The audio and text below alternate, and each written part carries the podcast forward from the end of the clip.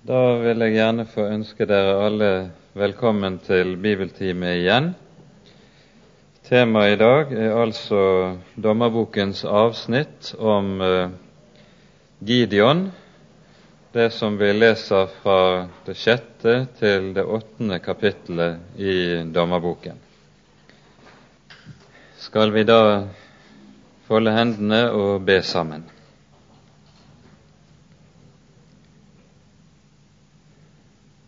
Kjære du vår Herre, du vår Gud og vår Far. Takk at vi på ny skal få lov til å samles i ditt navn og om ditt gode ord. Takk, Herre, at du har gitt oss ordet, for at vi gjennom det skal få lov til å møte deg, lære deg å kjenne og få lys til å leve ved. Takk at gjennom Skriftene åpenbarer du din Sønn for våre hjerter, Han som er veien. Vi ber deg, gode Herre og Far, at du vil lære oss å tro Ordet og å innrette oss etter det at vi også må få lov til, Herre, å bli bevart like inntil enden. Så ber vi deg, Herre, at du vil være til stede med din gode ånd iblant oss. Gi oss det lys du ser vi trenger.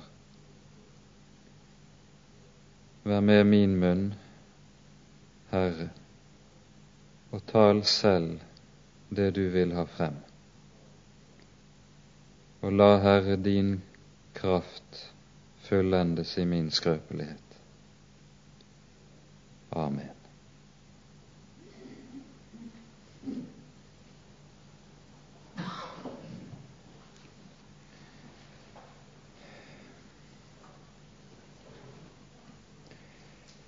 Når vi er kommet ut i det sjette kapitlet i Dommerboken, så er vi på ny inne i en tid som har frafallet fra Herrens ord som overskrift over det som ja, kjennetegner tiden. Debora og Barak, som dømte Israel i perioden som gikk forut, er nå borte. Og så leser vi fra vers 1 i det sjette kapittelet. Israels barn gjorde det som var ondt i Herrens øyne, og Herren ga dem i midjanittenes hånd i syv år. Og midjanittenes hånd ble overmektig over Israel.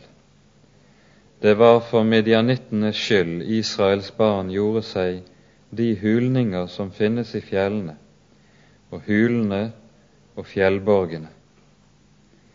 Hver gang Israel hadde sådd, kom midjanitten og amalekitten og Østens barn og dro opp imot dem. De leiret seg mot dem og ødela landets grøde like til Gaza, og levnet ikke noe å leve av Israel, heller ikke småfe eller storfe eller asner for de dro opp med sine jorder og sine telt. De kom som gresshopper i mengde. Det var ikke tall på dem og deres kameler. Og de kom inn i landet og herjet det. Og Israel ble rent utarmet ved medianittene. Da ropte Israels barn til Herren og da Israels barn ropte til Herren for midjanittenes skyld, da sendte Herren en profet til Israels barn, og han sa til dem, Så sier Herren, Israels Gud, jeg førte dere opp fra Egypten og hentet dere ut av trellehuset. Jeg fridde dere av Egypten, egypternes hånd og av alle deres hånd som undertrykte dere. Jeg drev dem bort for dere og ga dere deres land. Og jeg sa til dere, Jeg er Herren deres Gud. Dere skal ikke frykte de guder som dyrkes av amorittene i hvis land dere bor. Men dere hørte ikke på min røst. Og Herrens engel kom og satte seg under den ek som står i Ofra, der hvor Joas av Abiesas ett rådet. Gideon, hans sønn, sto da og tresket hvete i vinpersen for, for å berge den for midjanittene. Og Herrens engel åpenbarte seg for ham og sa til ham, Herren er med deg, du djerve kjempe. Men Gideon sa til ham, Hør på meg, Herre. Er Herren med oss, hvorfor har da alt dette rammet oss? Og hvor er alle hans undergjerninger, som våre fedre har fortalt oss om i det de sa, førte ikke Herren oss opp av Egypten. Men nå har Herren forlatt oss og gitt oss i midjanittenes hånd. Da vendte Herren seg til ham og sa, Gå av sted, så sterk som du er, så skal du frelse Israel av midjanittenes hånd. Har jeg ikke sendt deg? Men han sa til ham, Hør på meg, Herre, hvorledes skal jeg frelse Israel? Min ett er jo den ringeste i Manasseh, og jeg er den yngste i min fars hus. Da sa Herren til ham, Jeg vil være med deg, og du skal slå midjanittene ned som en mann. Da sa Gideon til ham, dersom jeg har funnet nåde for dine øyne. Da gi meg et tegn på at det er du som taler med meg. Gå ikke herfra før jeg kommer ut til deg med min gave og legger den frem for ditt åsyn. Og Herren sa, Jeg skal bli her til du kommer tilbake. Så gikk Gideon inn og laget til et kje og en efa mel til usyrede kaker. Kjøttet la han i en kurv, og suppen hadde han i en krukke, og bar det ut til ham under eiken og satte det frem. Da sa Guds engel til ham, Ta kjøttet og de usyrede kaker og legg det på steinen der, og hell suppen over. Og han gjorde så. Og Herrens engel rakte ut staven han hadde i hånden, og rørte med enden av den ved kjøttet og de usyrede kaker. Da steg det ild opp fra stenen og fortærte kjøttet og de usyrede kaker. Men Herrens engel for bort for hans øyne. Da så Gideon at det var Herrens engel, og han sa, Ved meg, Herre, Herre, jeg som har sett Herrens engel åsyn til åsyn. Men Herren sa til ham, Fred være med deg. Frykt ikke, du skal ikke dø. Da bygget Gideon der et alter for Herren og kalte det Herren er fred. Det står ennå den dag i dag i Abiesa-ættens Ofra.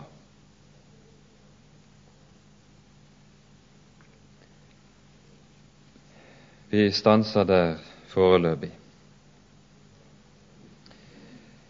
Her har vi altså begynt på beretningen om Gideon. Og det er en beretning som er underlig på mange vis. Både fordi den er så forunderlig vakker i sin måte å tale om Guds stell med Gideon og utfrielsen via ham. Og samtidig også fordi den er så rik på detaljer i beskrivelsen. Jeg tror det også med hele detaljrikdommen hører med i nettopp det Gud vil ha frem. For det er underlig på den måten at Bibelen av og til kan hoppe over begivenheter som for en historiker vil være de største og viktigste begivenheter, og bare omtale disse med en kort setning, mens det som her foregår, der stanses det opp, og den minste detalj vies oppmerksomhet. Og Jeg tror det taler til oss om hvorledes Herren, når Han kommer inn i livet og i sammenhengen til et menneske som han vil inn til, da får selv de små og ringe ting stor betydning. Det skal vi merke oss. For når Herren kommer inn slik, så er det dypest sett ingenting som er smått. Vi leser dette som er omskvedet i dommerboken i det første verset i kapittelet. Israels barn gjorde det som var ondt i Herrens øyne. På ny faller de, og på ny lar de seg besnære av kananittenes avgudsdyrkelse. Vi skal merke oss dette uttrykket på ny som har vært pekt på tidligere. Israels barn gjør det som er ondt i Herrens øyne. Det er jo slik at det er mye som kan synes godt i menneskers øyne, etter menneskelig oppfatning, og som dog er slik at i Guds øyne er det ondt og omvendt. Ikke minst er det jo slik vi kan møte det i mange ting som er oppe i tiden og diskuteres i dag, at mange ting som Bibelen lærer oss og minner oss om, at dette er Guds gode vilje. Det viker menneskene unna og kaller det ondt eller negativt. Og motsatt, det som Skriften taler om og kaller for ondt, det kaller menneskene godt. Det er akkurat det samme i dag som det var den gangen. Men for Guds folk er det alltid slik at det er slik en ta sak er i Guds øyne. Det er det som er det avgjørende. Så får mennesker heller synes og mene hva de vil. Vi søker å ta til hjertet og rette oss etter det som er saken etter Guds øyne. Det som da er frukten av at Israel faller på ny, er at Herren, som vi leser det, gir dem i midjanittenes hånd i syv år. En kort setning som rommer uhyre meget nød. For hva betyr det ikke at Herren overgir sitt folk i menneskers hender. Det betyr jo da at de ikke lenger står i Herrens hånd, under Hans vern, under Hans omsorg, slik at de får lov til å være som barn hos Far. Alt det ligger i dette uttrykket. De er overgitt, så Herren ikke lenger har dem i sin hånd. Og så er de gitt i fienders hender. Et forferdelig alvor ligger det i det. Å falle i menneskers hender på denne, dette vis, det er ikke godt. Syv år står det tale om her. Og så leser vi videre i vers to. Midjanittenes hånd ble overmektig over Israel. Det var for midjanittenes skyld Israels barn gjorde seg de hulninger som finnes i fjellene, og hulene og fjellborgene.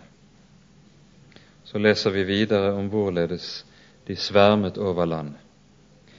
Det det taler om her, det er ikke at Israel blir underlagt en permanent okkupasjon av sine fiender. men de blir så å si bytte for en årlig gjentatt plage som rammer landet. Det er like som en gresshoppesvern at dette folkeslaget kommer over landet. Midjanittene er et nomadefolk bestående av beduiner. Og det som da skjer, er at ved en bestemt årstid så kommer de inn over landet, krysser Jordan og slår seg ned i hjertet av landet, Israel-sletten, som ligger i det som i dag kalles Samaria, og som er den mest fruktbare delen av landet. Herfra drar de så ut i resten av landet og herjer det, på samme måte som vikingene herjet det nordlige Europa i sin tid, i vår historie. De sparer ingen, legger alt øde. Bål og brann, mord og drap følger i deres spor. Så alt legges øde. Og vi skjønner at det har vært en tung og forferdelig plage det er tale om her. En plage som har satt seg slike spor at de folket måtte lage egne hemmelige tilfluktsrom rundt om i fjellene. Dette må jo ha følt, ført til nettopp det som vi leser i vers 6. Israel ble rent utarmet ved midjanittene. De kom nemlig opp og svermet inn i landet på den tid da høsten sto for døren, når markens grøde skulle i hus. Og så tok de markens grøde, og det de ikke kunne ta og få med seg, brant de. Og Vi skjønner det må ha ført til stor hungersnød også. Men det måtte altså gå syv år før det skjer som vi leser i vers 6. Da ropte Israels barn til Herren. Herrens hånd måtte altså ligge tungt på dem gjennom lang tid før de så å si sanset seg og stanset opp og begynte å vende om. Det er jo her, slik som det var med den fortapte eller bortkomne sønn som vi leser om i Lukasevangeliet 15. Det er når han kommer i nød, han sanser seg. Og dette ser ut til at det er noe helt allmennmenneskelig. At får ikke Gud slippe til hos et menneske i unge år? Det er jo den tiden de fleste mennesker er søkt. Da er det meget tungt for et menneske og vende seg til ham. Og Gud må ofte legge sin hånd tungt på det mennesket før det kommer til besinnelse. Og så blir det nød, så blir det sorg, og så blir det trengsel, som blir Guds redskaper for å vende hjertet tilbake til ham. Da ropte Israels barn til Herren. Men i motsetning til tidligere så sender ikke Herren en forløser til Israel umiddelbart ved denne anledning. Han svarer dem med å sende en profet, en profet som bærer frem Herrens ord for folket. Og de versene som følger her, fra vers 8 til vers 10, de må vel gi oss det som er summen av denne profetens forkynnelse. Han er ikke navngitt, vi vet ingenting mer om ham enn dette som står her. Men slik har han reist om antagelig i hele Israels land og forkynt Herrens ord og talt til bot i folket, talt til omvendelse. Og vi skal merke oss hvorledes han taler til omvendelse. Han minner dem om alt det gode Herren har gjort for dem. Se tilbake, sier sier han, har Herren noen gang gjort dere noe ondt, så dere av den grunn skulle vende ham ryggen? Er det ikke bare godt, bare velsignelse han har skjenket dere? Hvorfor har dere da sveket? Hvorfor har dere da forlatt ham?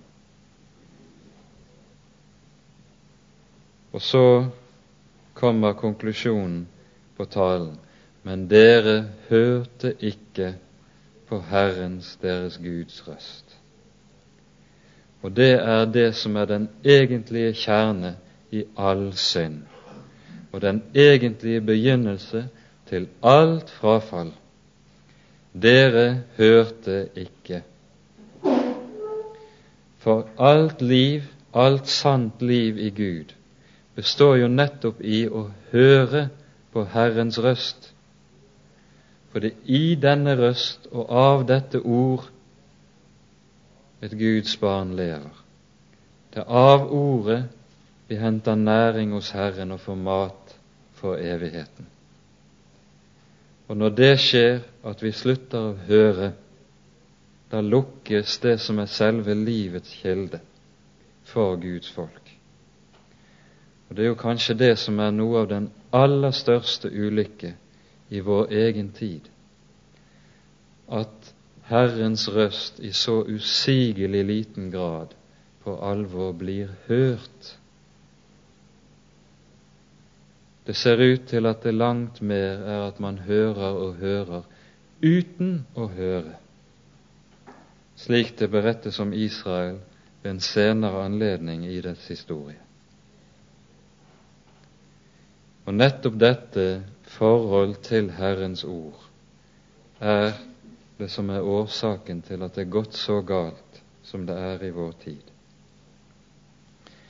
Nå, når Herren så har talt til Israel på disse to måter, gjennom nøden og gjennom lydelige og klare ord, så kan han sende forløseren som skal begynne å fri Israel av nøden. For dette skal vi også merke oss, at nød uten Guds ord, det bærer ytterst sjelden frukt. Men nød sammen med Guds ord, det bærer rik frukt. Disse ting hører nemlig sammen. Derfor er det aldri uten videre gitt at et menneske som er kommet i nød og har det vondt, derfor har bruk for Gud, har bruk for evangeliet. Nød er i seg selv ingen kvalifikasjon for å finne hjelp. Men nød sammen med Guds ord, det er det som gir frukt til frelse og til liv. Og så kommer Herrens engel og han har valgt seg ut Gideon. Vi skjønner at høsten står like for døren. De har antagelig skåret kornet før det var riktig modent, men av frykt for den svermen av fiender som de vet nå kommer til å komme, så tresker ikke Gideon på treskeplassen, men har gått ned i vinpersen med kornet. Vinpersene de lå gjerne skjult i vingårdene innimellom vintrærne, så det kunne være et visst dekke, en viss ly og sikkerhet i dette, at det var mulighet til å komme seg unna om fienden brått skulle dukke opp. Men her kommer altså Herrens engel med ordene til ham Herren er med deg, du djerve kjempe. Og er det noe Gideon ikke har ventet å høre, så er det vel nettopp slike ord. Og det forstår vi ikke minst av svaret hans til Herrens engel. Han forstår vel ikke riktig til å begynne med hvem han har med å gjøre heller. Men han svarer slik vi leser, Er Herren med oss, hvorfor har da alt dette rammet oss? Hvor er alle hans undergjerninger, som våre fedre har fortalt om? Så vi skjønner at mens Gideon har gått her og tresket, så har han både grunnet på sitt folks nød, og nok også grunnet på det ord som denne Guds profet har talt, og som nok Gideon og innbyggerne i bygdene omkring Ofra også har fått høre. Og dette har satt i gang et arbeid i hjertene. Hos Gideon har det tydelig ligget og arbeidet, dette som Herren nå har talt, når han har begynt å tale sitt folk til rette. Og så svarer Herren på ny. Gå av sted så sterk som du er, så skal du frelse Israel av midjanittenes hånd har ikke jeg sendt deg? Og nå begynner nok Gideon å ane hvem han har med å gjøre. Har ikke jeg sendt deg? Og Samtidig møter vi her det som på ny og på ny vi ser Gideon trenger aller mest i den tiden som lå ligger foran for han strever med egen usikkerhet, og han trenger visshet i troen for å kunne gå til den gjerningen Herren han kaller han til. Har ikke jeg sendt deg? Og Gideon møter det umiddelbart med den innvending som var naturlig for ham. Hvordan skal jeg kunne frelse Israel? Min ett er jo den ringeste i Manasseh. Jeg er den yngste i min fars hus. Han ser på seg selv, sin egen plass i samfunnet og sin egen betydning. Han er jo ingenting. Han har ingen betydning, hører ikke til blant dem som blir regnet med i folket. Hvordan skulle han da ha forutsetninger for å gjøre det som her Herren kaller han til. Han synes han mangler alt han trenger til dette. Men dette ser vi også i Skriften. Gang på gang er det som kjennetegner Guds måte å kalle sine tjenere på. Han velger seg ikke ut det som er sterkt, det som er stort, det som er mektig, men han velger seg ut det som er lite i verden, det som er ringeaktet, det som er fattig og sett ned på. Det velger han ut for å gjøre det til skamme som er noe, slik det står i første Korinterbrevs første kapittel. Det ser ut til at Gud ynder i sitt arbeid å plukke ut det som er lite og ubetydelig, og bruke det for sin gjerning. Slik at jeg tror vi har lov til å si at desto større gjerning han vil gjøre, desto mindre er det redskap han velger seg, desto skrøpeligere og fattigere. Og Dette skal lære oss og minne oss om at i Guds rike sammenheng er det aldri farlig å være verken liten eller svak, men det er alltid farlig å være stor og å være for sterk. Og dette er en grunnlov i Guds ord som vi trenger å minne hverandre på, på riktig ofte. For det går så stikk imot alt som er naturlig for oss å tenke. I verden er det jo motsatt. Men Guds vis i sitt rike er nettopp å velge det små. Hvorfor? Fordi da får han selv slippe til på en slik måte at det blir åpenbart at det er ham som er i arbeid, og ikke et menneske som er sterkt og får det til. Og slik kan han vise hvem han er som er Herre, Frelseren som er mektig til å gjøre hva han har lovet.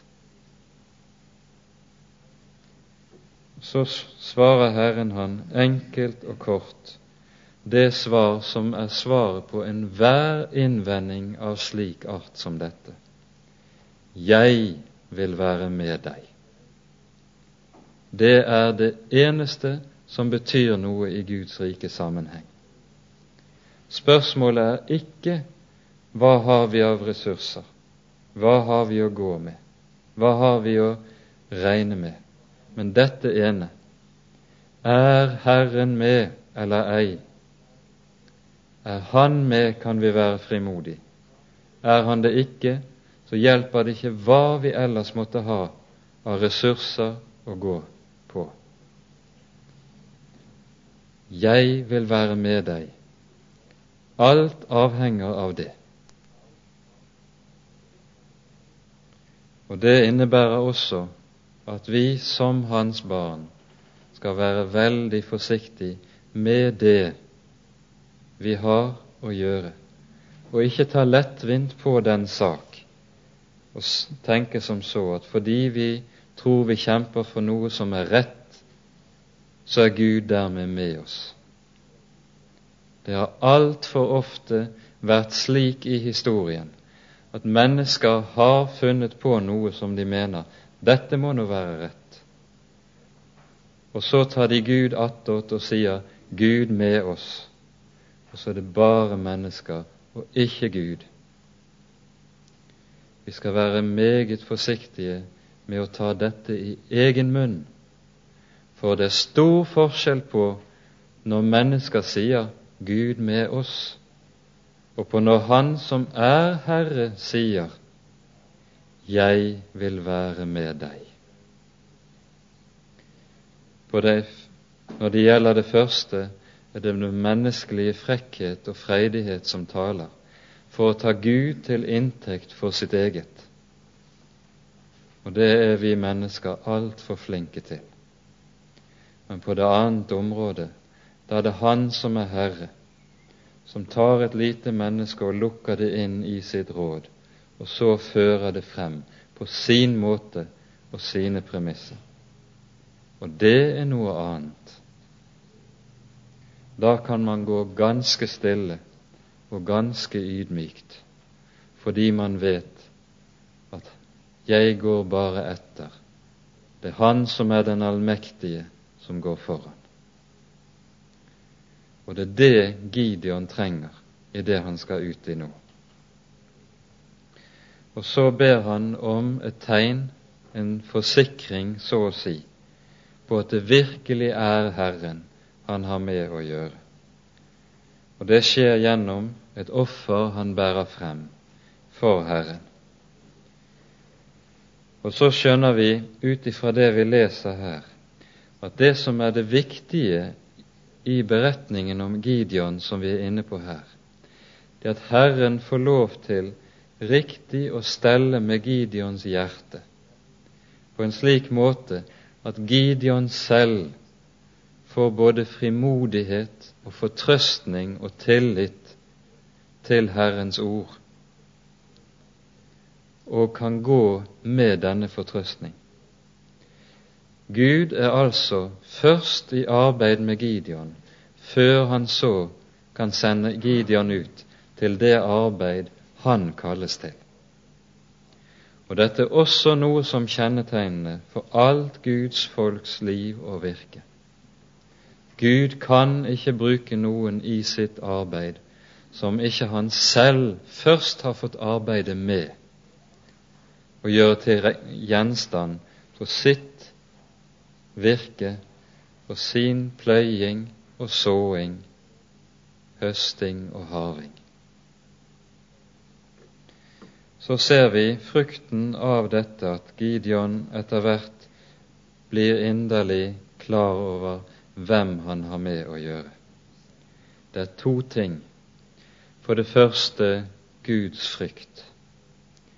Ved meg, leser vi i vers 22, ved meg, Herre, Herre, jeg som har sett Herrens engel åsyn til åsyn. Gudsfrykten er langt viktigere enn alskens dyktighet og dugelighet som mennesker synes betyr noe. Og Det som kjennetegner gudsfrykten, er at den vet hvem vi har med å gjøre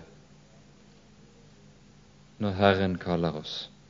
Og det går foran alt annet. Dernest det som lyder i det følgende når Herren taler til ham. Fred være med deg. Frykt ikke, du skal ikke dø. Gideon får lov til, midt inne i angsten for den hellige, å få lov til å møte nådens Gud. Jeg skal ikke dø, jeg skal få leve. For den Gud som jeg har med å gjøre, er den Gud som har gitt meg fred i sin nåde. Og så går gudsfrykten sammen med freden med Gud. Og disse to sammen skaper det som utgjør sann kristen frimodighet. For gudsfrykten har nettopp det med seg at der den er sann, frykter den ikke mennesker. Og det er jo i forhold til menneskefrykten Gideon nettopp får bryne seg i det kommende. Hva er det så som skjer? Vi leser videre fra vers 25. Samme natt sa Herren til ham, ta din fars okse, den andre syv års gamle okse, og du skal rive ned det balsalter som din far har, og hogge ned det astartebildet som står ved siden av det. Og du skal bygge et alter for Herren din Gud øverst på denne faste plass, og legge alt til rette. Så skal du ta den annen okse og ofre den som brennoffer med veden av astartebildet som du skal hogge ned. Da tok Gideon ti av sine tjenere med seg og gjorde som Herren hadde sagt til ham, og da han av frykt for sin slekt og for mennene i byen ikke torde å gjøre det om dagen, gjorde han det om natten. Da mennene i byen sto tidlig opp om morgenen, fikk de se at Bals alter var nedrevet, og at astaterbildet som sto ved siden av, var hogget ned, og at den andre okse var ofret på det alter som var bygget. Da sa de seg imellom, hvem har gjort dette? Og de spurte og ransaket og sa, Gideon, Joas sønn, har gjort det.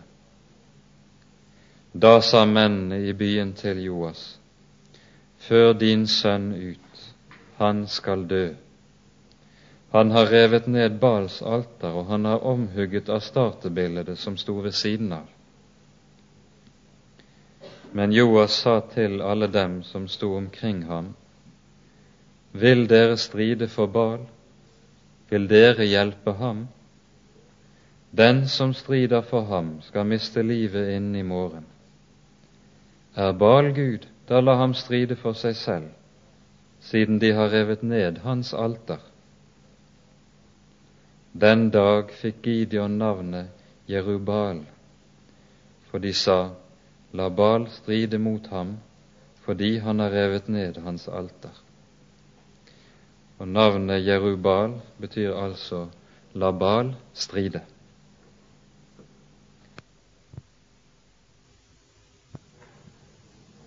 I det avsnittet vi nå har lest, møter vi på ny noe som er sentralt i Guds arbeid med sine tjenere.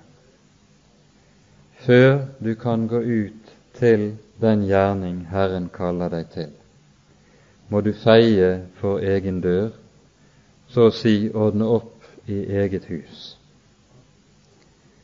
Samtidig vet vi at det å få med Gud å gjøre på denne måten, at det må gjøres opp med noe som er helt grunnleggende inn i familiens og i slektens liv, det er noe som koster, koster kanskje mye mer enn det å ta et oppgjør med å gå ut og kjempe der ute, blant de som ikke står en så nær.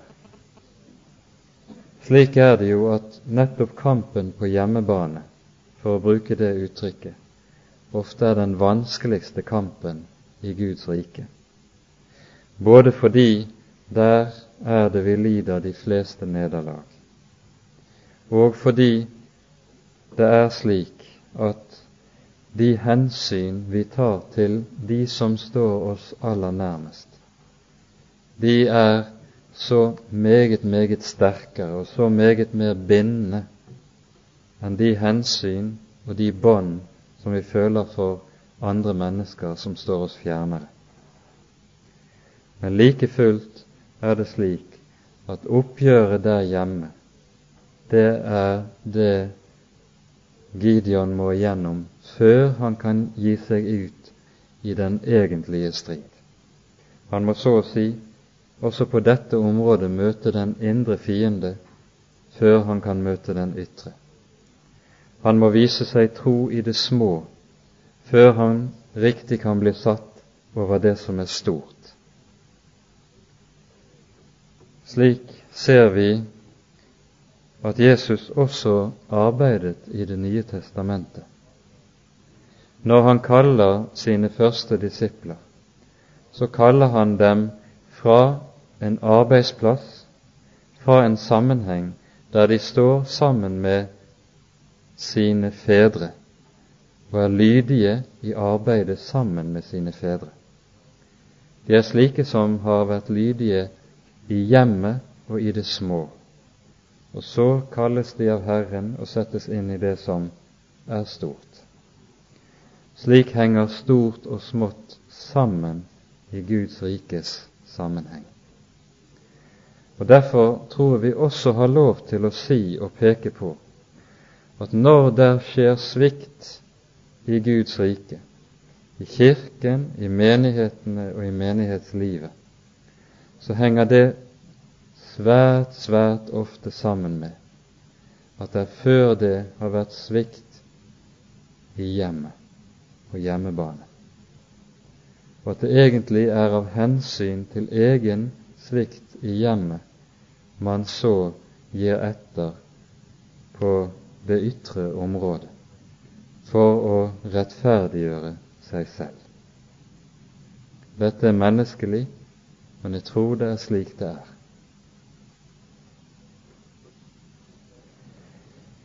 Vi skal også merke oss den reaksjonen som møter Gideon i det han har revet ned Baals alter og støtten ved siden av. Hvor var det en tilsvarende nidkjærhet i Israel når folket falt fra Herren og var troløse mot Herren.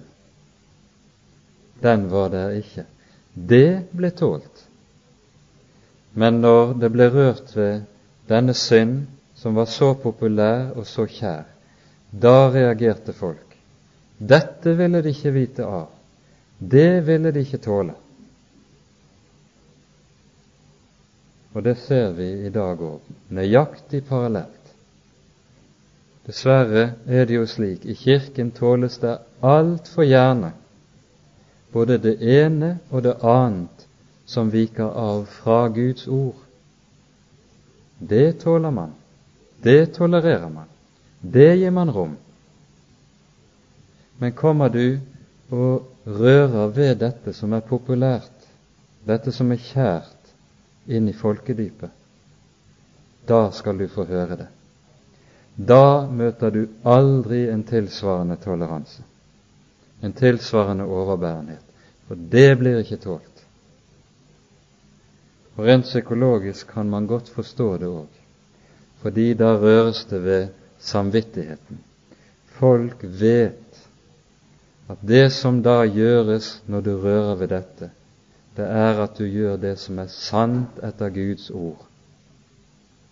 Og fordi man angriper noe som ligger dypt i samvittigheten, så blir også forsvarsreaksjonene tilsvarende sterke. Slik er vi mennesker. Men Josva får uventet hjelp fra sin far og kommer gjennom dette. Og så kommer den tid da fienden på ny svermer inn i landet. Vi leser fra vers 33. Alle midjanittene og amalekittene og Østens barn slo seg sammen og dro over Jordan, og de leiret seg i Israeldalen. Men Herrens ånd kom over Gideon, og han støtte i basunen, og Abiesa-ætten samlet seg og fulgte ham. Og han sendte bud omkring i hele Manasseh og de samlet seg også og fulgte ham, og han sendte bud til Asa, til Sebulon, til Naftali, og de dro dem i møte. Da sa Gideon til Gud, dersom du vil frelse meg, dersom du vil frelse Israel ved min hånd, som du har sagt, så legger jeg nå denne avklippede ull på treskeplassen. Dersom det da kommer dogg, på ullen alene, og hele marken er tørr, da vet jeg at du vil frelse Israel ved min hånd, som du har sagt. Og således ble det. Da han neste morgen sto tidlig opp og krystet ullen, krystet han ut dogg av den, en skål full av vann. Og Gideon sa til Gud, La ikke din vrede opptennes mot meg, om jeg taler ennå en gang. Jeg ville bare få gjøre en prøve til med ullen. La ullen alene være tørr, og la det være dogg over hele marken. Og natten etter gjorde Gud således. Ullen alene var tørr, men over hele marken var det dugg.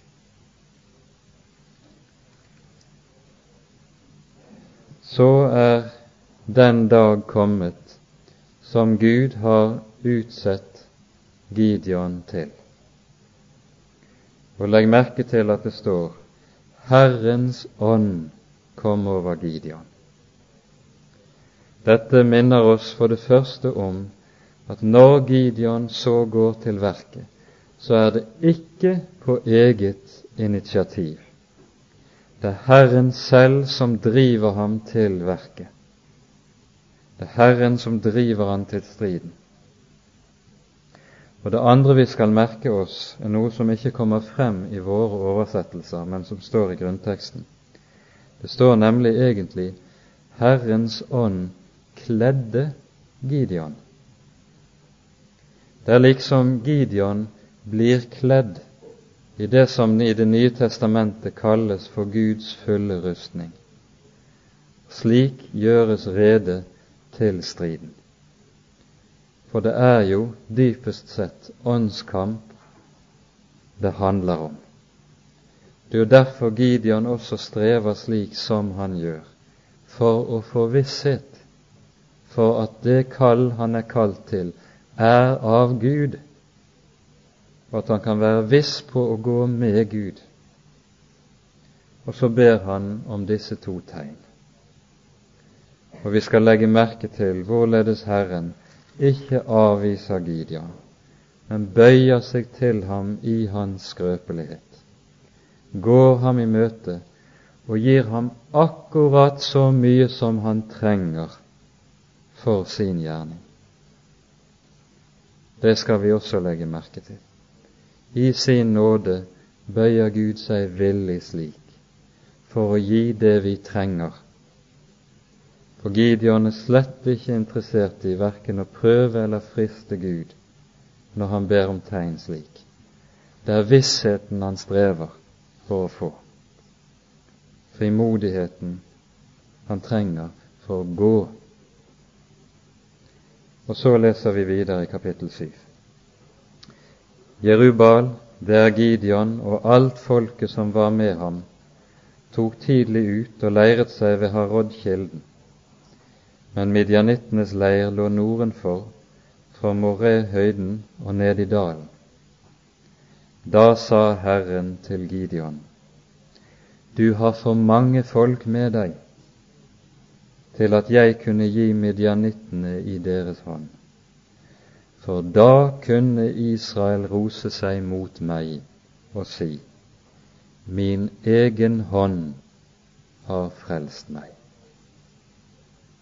La nå utrope for folket, den som er fryktsom og redd, kan vende om og fare hjem igjen fra Gileadfjellet. Da vendte 22 000 av folket om, og 10 000 ble igjen. Og Herren sa til Gideon, Ennu er det for mange folk, la dem gå ned til vannet, så vil jeg prøve dem for deg der. Og den som jeg skal gå med, og den som jeg sier skal gå med deg, han skal gå med deg. Men hver den som jeg sier ikke skal gå med deg, skal ikke gå. Så lot han folket gå ned til vannet, og Herren sa til Gideon, alle som leppjer vannet i seg med tungen, like som hunden, skal du stille for seg selv, og likeså alle som legger seg på kne for å drikke. Tallet på dem som leppjet med hånd til munnen, var 300 men hele resten av folket la seg på kne og drakk av vannet. Da sa Herren til Gideon, med de 300 mann som leppjet, vil jeg frelse dere og gi midjanittene i din hånd. Men resten av folket kan gå hver til sitt. Så tok de til seg folkets matforråd og deres basuner og alle de andre Israels menn lot han fare hver til sitt telt.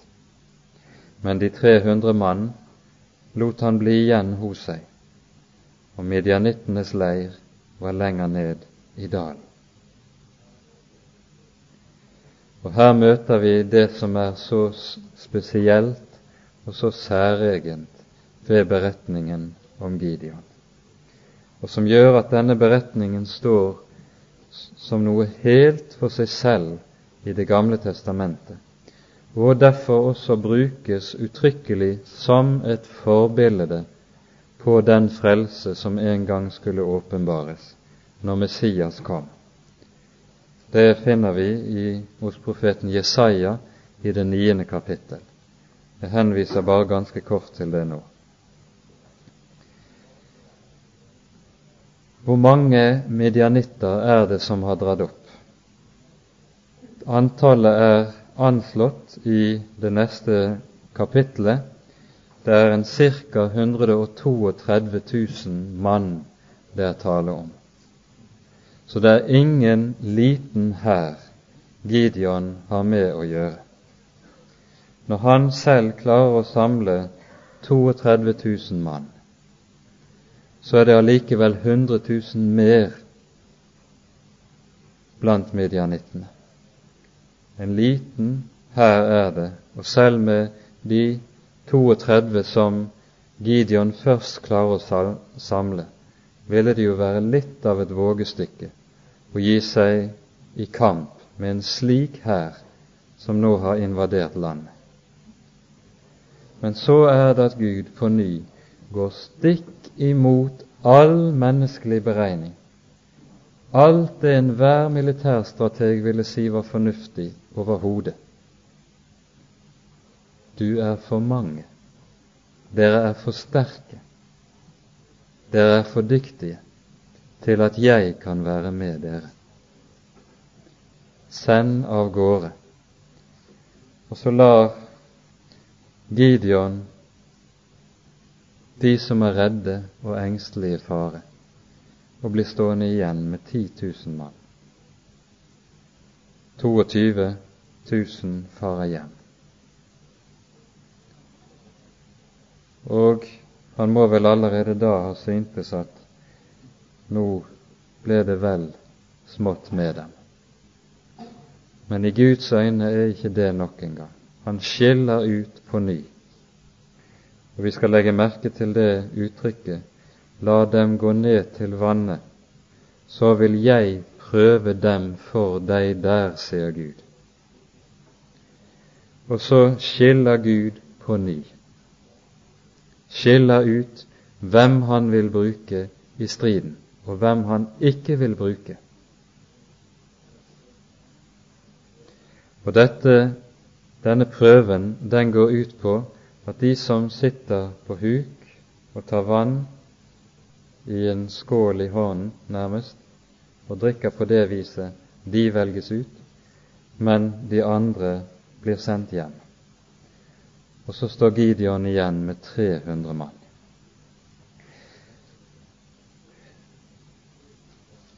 I skriftutleggelsen har det fra gammelt av vært pekt på to ting som man mener kan være årsaken til at akkurat disse 300 ble valgt.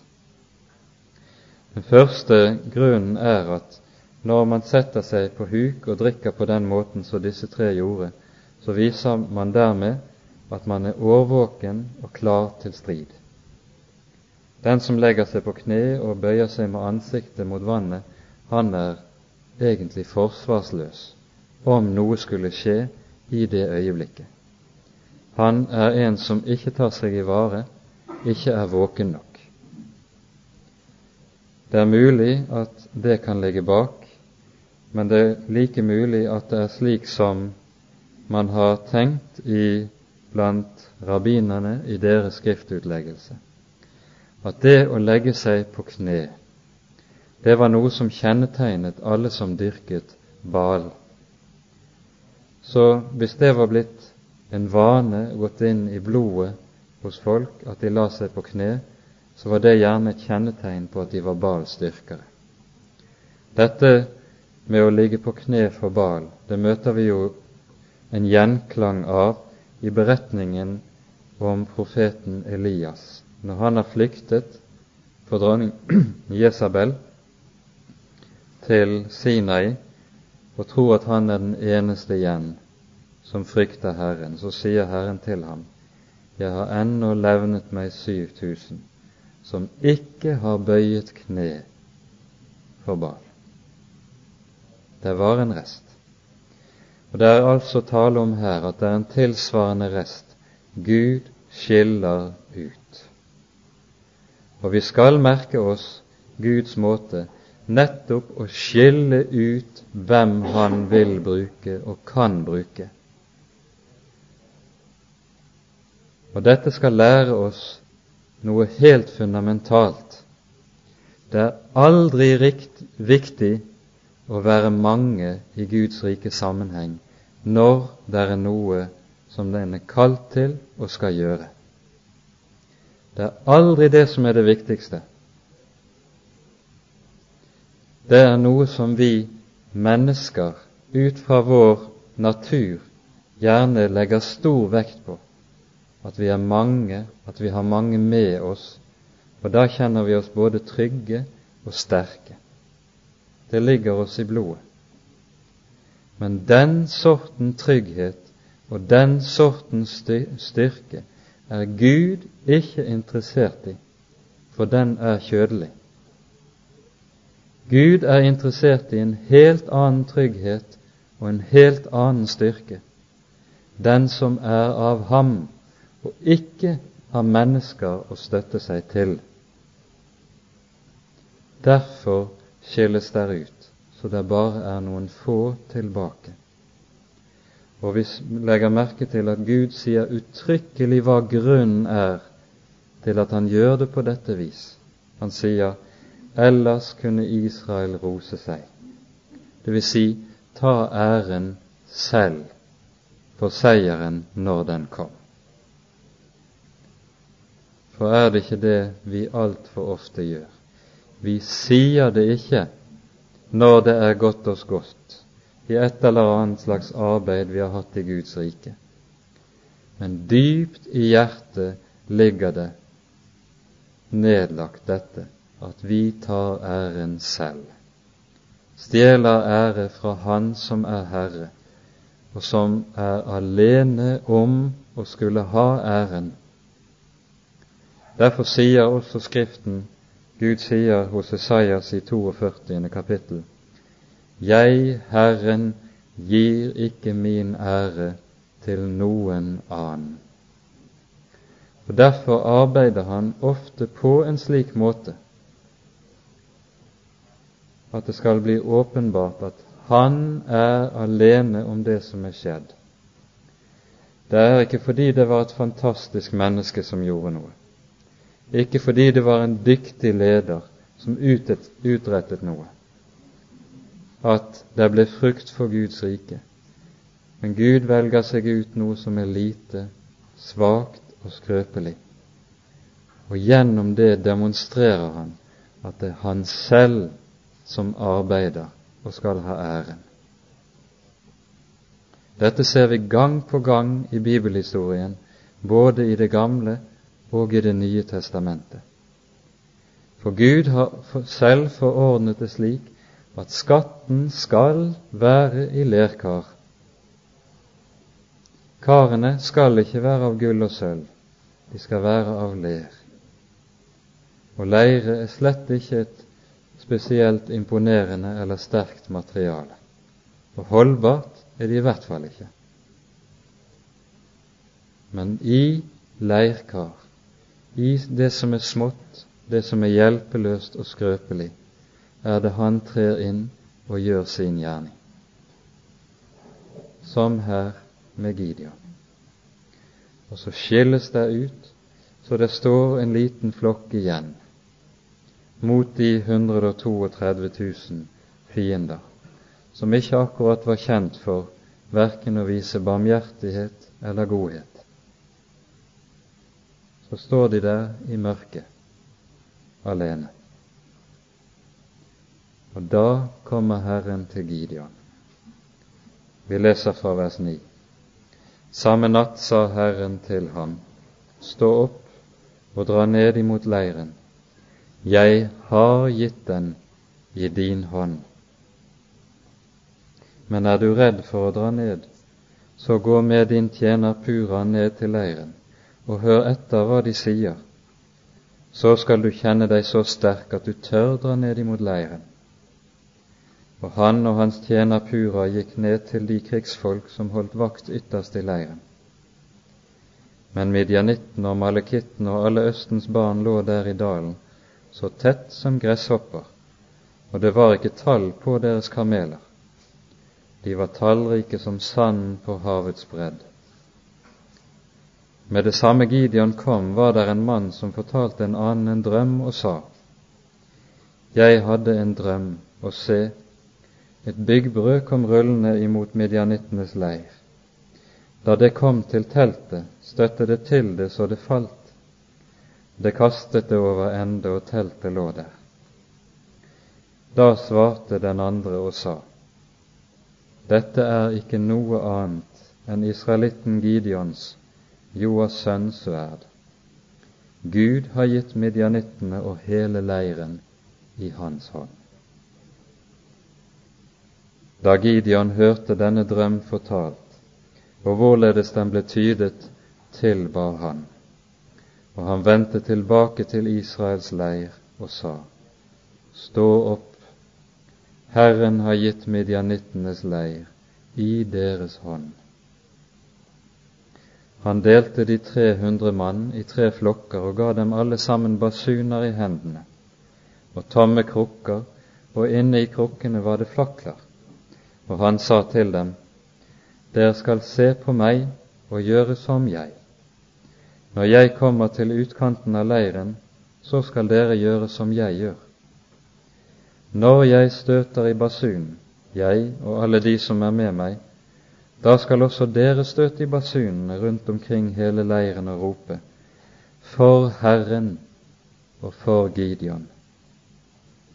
Så kom Gideon og hundre mann som var med ham, til utkanten av leiren, ved begynnelsen av den mellomste nattevakt.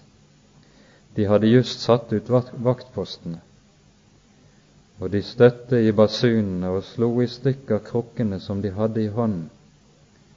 Og alle de tre flokker støtte i basunene og slo i stykker krukkene med venstre hånd, grep de faklene og med høyre hånd basunene og støtte i dem og ropte:" Sverd for Herren og for Gideon og de ble stående hver på sitt sted rundt omkring leiren. Da begynte alle i leiren å løpe og skrike og flykte, og de støtte i de 300 basuner, og Herren vendte den ene sverd imot den andre i hele leiren.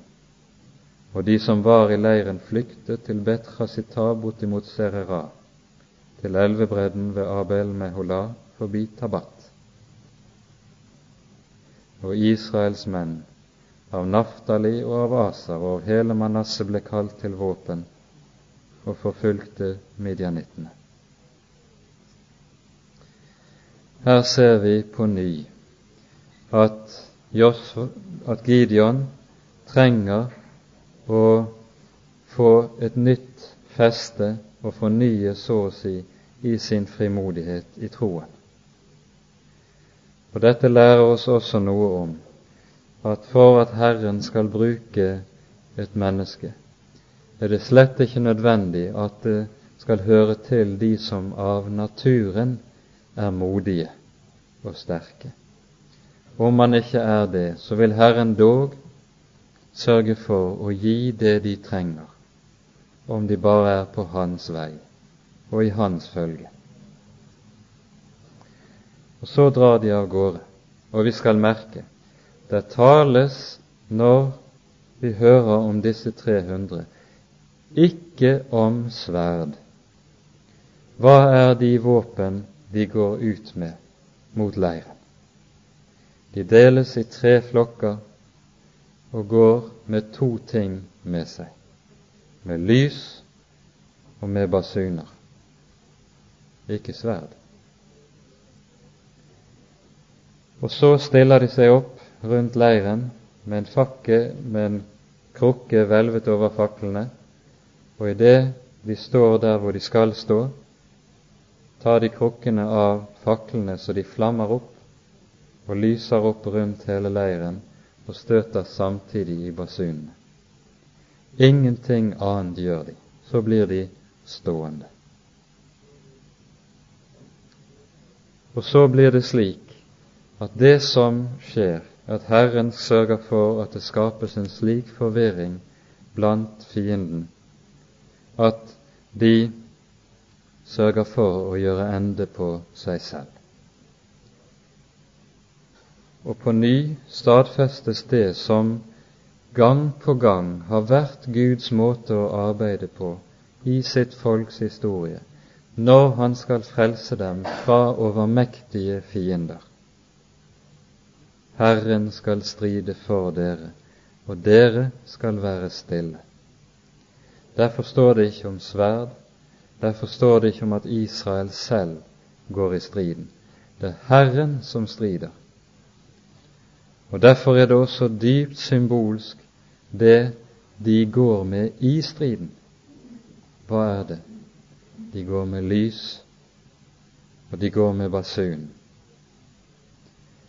Og det er nettopp det Guds folk trenger i enhver strid i Guds rike sammenheng. Det er lys, og det er basun.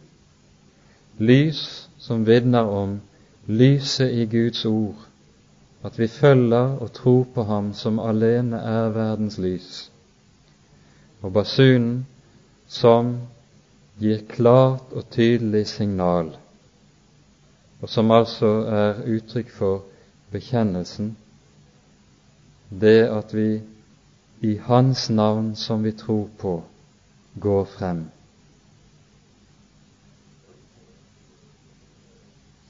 Og dette tror jeg er det vi til enhver tid trenger når vi skal stride. Klar og tydelig bekjennelse sammen med lys i Guds ord. Det er de to, to viktigste stridsvåpen i Guds rike sammenheng. Og det gjelder i dag slik som det gjaldt den gang. Så sørger Herren for forvirringen blant fiendene. Og så går det slik det går. Israel frelses ved Gideons hånd, uten egentlig å gjøre noe annet enn å tro Gud på Hans ord og på Hans løfte. Ved dette demonstrerer Herren at det som er Hans folks eneste og egentlige styrke, det er Herren selv, ingenting annet. Derfor skal vi avslutte med å lese to avsnitt fra Salmenes bok sammen. Først fra Salme 33.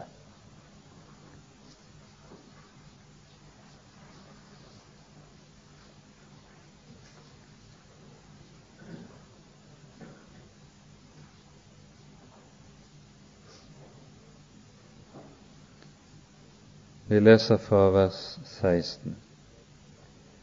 En konge frelses ikke ved sin store makt. En helt reddes ikke ved sin store kraft. Hesten er ikke å stole på til frelse, og med sin store styrke redder den ikke. Se, Herrens øye, unnskyld, Herrens øye ser til dem som frykter ham, og som bier på hans miskunnhet, for å utfri deres sjel fra døden og holde dem i live i hungersnød. Og så lyder gjensvaret fra folket Vår sjel bier på Herren. Han er vår hjelp og vårt skjold for i ham fryder vårt hjerte seg, fordi vi setter vår lit til Hans hellige navn. Din miskunnhet, Herre, være over oss, således som vi håper på deg. Vår styrke ligger altså enkelt i Herrens navn, og i det navn skal vi få rose oss, ham skal vi holde oss til. Og så noen vers fra Salme 44 som gir oss det som skjedde under erobringen av det lovede land i en sum, men som samtidig også gir oss det som her skjer med frelsen ved Gideon like meget i en sum. Vi leser fra vers fire. Ikke ved sitt sverd inntok de landet, deres arm hjalp dem ikke, men din høyre hånd og din arm og ditt åsyns lys, for du hadde behag i dem, Herre. Du er min konge Gud, Byd at Jakob skal frelses. Ved deg skal vi nedstøte våre fiender. Ved ditt navn skal vi nedtre dem som reiser seg imot oss. For på min bue stoler jeg ikke, og mitt sverd frelser meg ikke. Men du har frelst oss fra våre fiender, og våre arvindsmenn har du gjort til skamme. Gud priser vi den hele dag, og ditt navn lover vi evinnelig. Sela. Slik er det at Han som er Herre, tar seg av sitt folk. Og så kan ordene fra 1. Samuel 2 stå som sammenfatning av hele Gideons liv og kamp slik vi har lest om det her. Kjempenes bue brytes sønder, men de snublende omgjorde seg med kraft. Slik arbeider Gud. Amen.